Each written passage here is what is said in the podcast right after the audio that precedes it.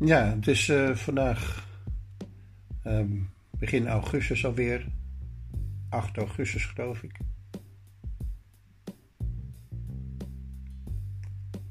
Mijn zoon is bijna jarig. Die is 10 augustus jarig.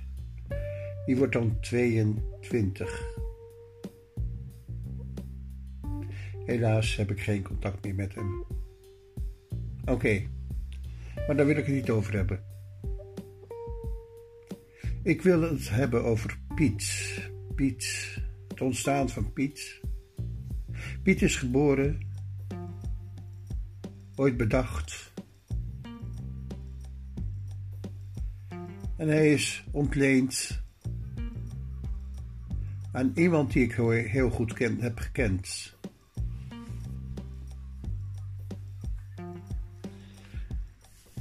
En diegene die ik heb gekend is geboren in, stad, in een stad in het midden van Nederland. En die heet Leeuwarden, of, of in, nee, Utrecht. In Utrecht is hij geboren. Hij was eigenlijk een ongelukje. Hij had eigenlijk niet geboren moeten worden.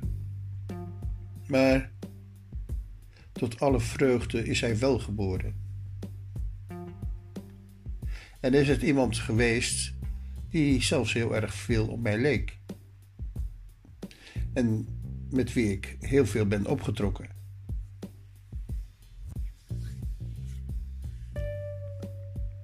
Toch was uh, ja, Piet was een zeer romantisch mens, een heel gevoelig mens, die heel veel uh, ja, hield van muziek maken, net zoals ik.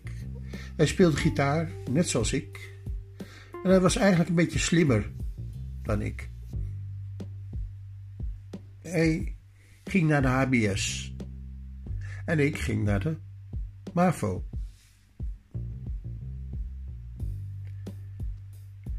En ja, toen dat allemaal zo gebeurde, toen beseften wij nog niet zo goed van wat het allemaal later zou worden en hoe we zouden opgroeien en wat er allemaal ja, ging, zou gaan gebeuren. Wij hielden gewoon van pop. Popmuziek is er gekomen. Ja, dat is weer een andere soort pop. Pop van muziek. Maar het staat dan eigenlijk ook voor iets wat mensen populair hebben gemaakt door techniek. Dat beseft men zich niet zo goed, maar pop is dus een afgeleide van populair. En het is populair geworden omdat ooit een groep als de Beatles of de Rolling Stones zijn begonnen om met een soort techniek in één keer heel veel mensen te gaan bereiken. Zij konden dan met, zijn, uh, uh, met vier, vier uh, mensen, konden zij dus voor duizenden mensen gaan spelen. Nou, dat was nieuw, dat was absurd. Dat werd pop genoemd. Pop is dus een soort van ja, marionet. Die net zoals marionet ja, bespeeld kan worden. Maar dan met elektronica. En dat vinden de mensen heel erg leuk. En dan gaan ze helemaal in uh, doorzwijmelen. En dan komen, kwamen dus ook allemaal pophits. En die uh, ja, pophits, ja, daar ben ik dus echt mee opgegroeid. Zoals het liedje van uh, I'm a Believer. And I saw her face. Now I'm a believer. And I saw her face. Oh, hide me by. Oh, nou, ik, uh, ik zong altijd die liedjes mee, terwijl ik eigenlijk helemaal niet wist wat ik zong. Dat is eigenlijk kinderen een beetje eigen om eigenlijk te kopiëren van wat zij zien van hun ouders. Zonder te weten waarom. En willen ze dat wel weten, ja, dan moeten ze vragen stellen. En dat vinden ze vaak helemaal niet leuk. Want ze willen hun ouders niet teleurstellen. Dat is ook zo bij mijn eigen kinderen zo. Mijn, oude, eh, mijn kinderen zijn opgegroeid door mijn ex. Ik mocht ze niet opvoeden. En daardoor zijn ze uh, ja, eenzijdig opgevoed. En zijn ze opgezet tegenover de vader. En dat weten ze niet. Dat hebben ze ook, eh, willen ze ook helemaal niet weten. Maar het is wel zo. Maar ja, ik hoop dat ze daar ooit nog eens een keer achter komen. Dan weten ze dat ze opgevoed zijn door een poppenmevrouw. Een poppenactrice. Want ooit was ik hun moeder tegengekomen als een actrice die met poppen speelde. En haar vader was de regisseur daarvan. En haar moeder maakte al de mooie decors ervan.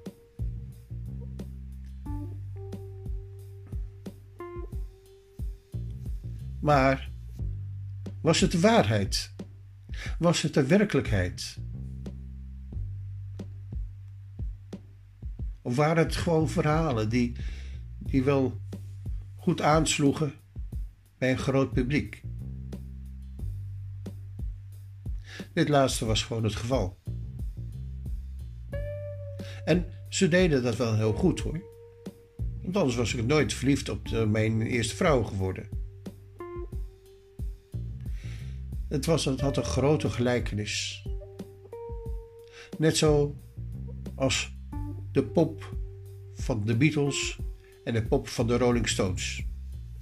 En daar kan ik nog veel meer noemen. Dus pop en pop komen wel een klein beetje bij elkaar in mijn leven. Ja, we, we zijn het allemaal gaan zien als twee totaal verschillende woorden. Maar het ene pop, wat dus populair betekent. En het andere woord pop, wat gewoon een marionet kan zijn, of een Jan Klaas of een Katrijn. Ze zijn beide eigenlijk niet waar. Ze zijn eigenlijk een beetje, ja, uit, uh, uit proportie gevallen. En als je gaat kijken naar de geschiedenis van de pop en uh, van Jan Klaassen, dan kom je gek genoeg ook nog eens een, uh, overeenkomst tegen. En ik zal je die uh, overeenkomst vertellen. De pop Jan Klaassen en Katrijn zijn dus gebaseerd op twee echte mensen. Dat waren Jan Klaassen en Katrijne Petersen. Die vormden een huwelijk in de Gouden Eeuw. En dat was een tijd waarop mensen nog niet allemaal konden schrijven en lezen. En hun huwelijksakte, die nog steeds in het Amsterdamse archief aanwezig moet zijn, was dus ook met een kruisje. Een getekend een persoonlijk getekend kruisje. Dat was voldoende. Maar waren Jan Klaassen en Katrijn gelukkig met elkaar? Nee dus. Het was zelfs het voorbeeld voor een uiterst slecht huwelijk. Katrijn zat de hele dag uh, met een fles rond te uh, lopen, was aan de drank. En Jan was eigenlijk te lui om te werken. Hij was ooit eens een keer dat hij een beroep gehad van uh, voortrekker.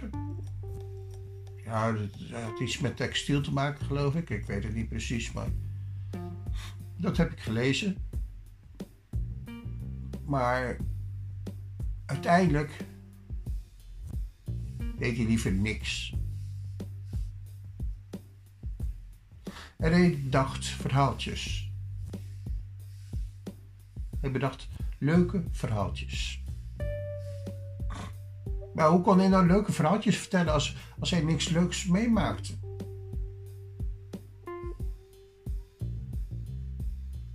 Nou, dan ging je maar eh, de verhaaltjes uh, uh, maken die hij wel meemaakte.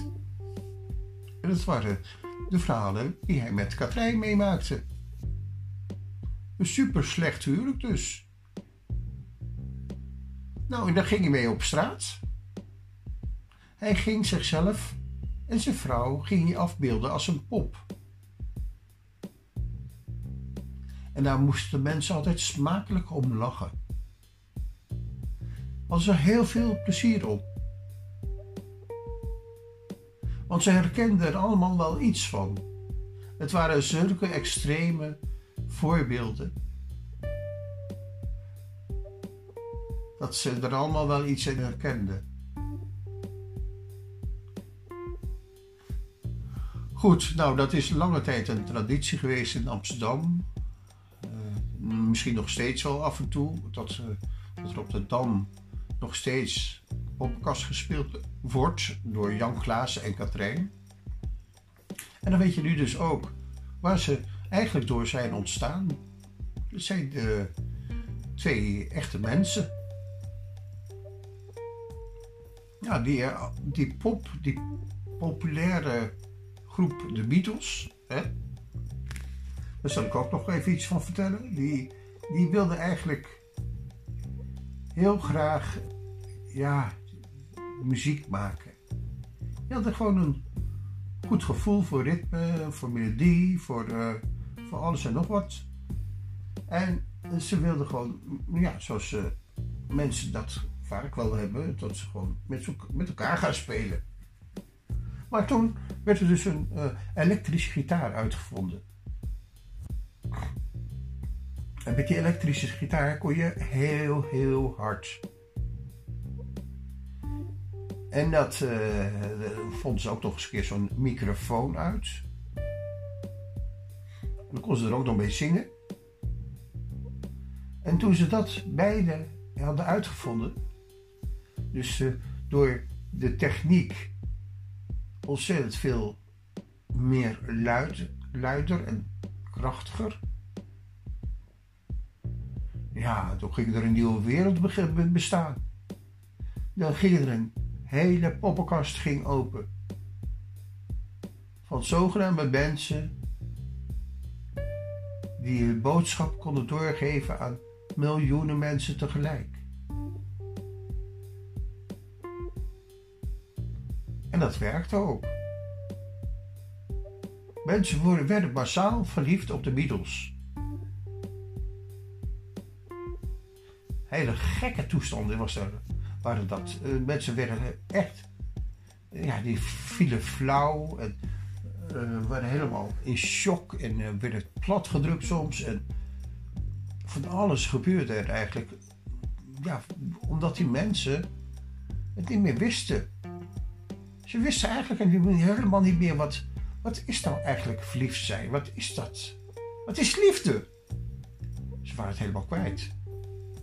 En helemaal toen eigenlijk de, dat concept van de Beatles nog eens een keertje werd overgenomen door een paar gewikste zakenmensen. Die er wel een, ja, handige truc in zagen. En die twee uh, zakenmensen, die, uh, ja, die zijn een advertentie gaan plaatsen. Nou, vlak na het ontstaan van de Beatles, de, grote succes van die Beatles, dachten ze van ja, dit, dit, dit is big business, uh, daar gaan wij een handeltje van maken. En zij gingen een advertentie zetten in de krant. En daar kwamen gelijk ja, een paar goede mensen op af. muzikanten, acteurs, mensen die er goed uitzagen en die een, leuk, uh, leuke band konden uh, vormen. En zo uh, ontstond er een groep die helemaal gemaakt werd door twee handige mensen. En nou, de deuntjes, die, ja, die konden ze ook wel gauw fabriceren. En het werd een groot succes. En dan zongen ze van, uh, als een van de eerste bekende nummers, zongen ze, ik ben een gelovige. Wanneer, toen ik haar gezicht zag, toen was ik verkocht. Toen geloofde ik. Toen geloofde ik daarin. Ja. En dat is toen gebeurd. Dat is echt gebeurd. En uh, ze zijn er erg rijk mee geworden. Later heeft een van die uh, twee nog eens een, uh, een, film willen maken met hetzelfde idee. En dan eigenlijk meer een beetje inspelend op motorclubs.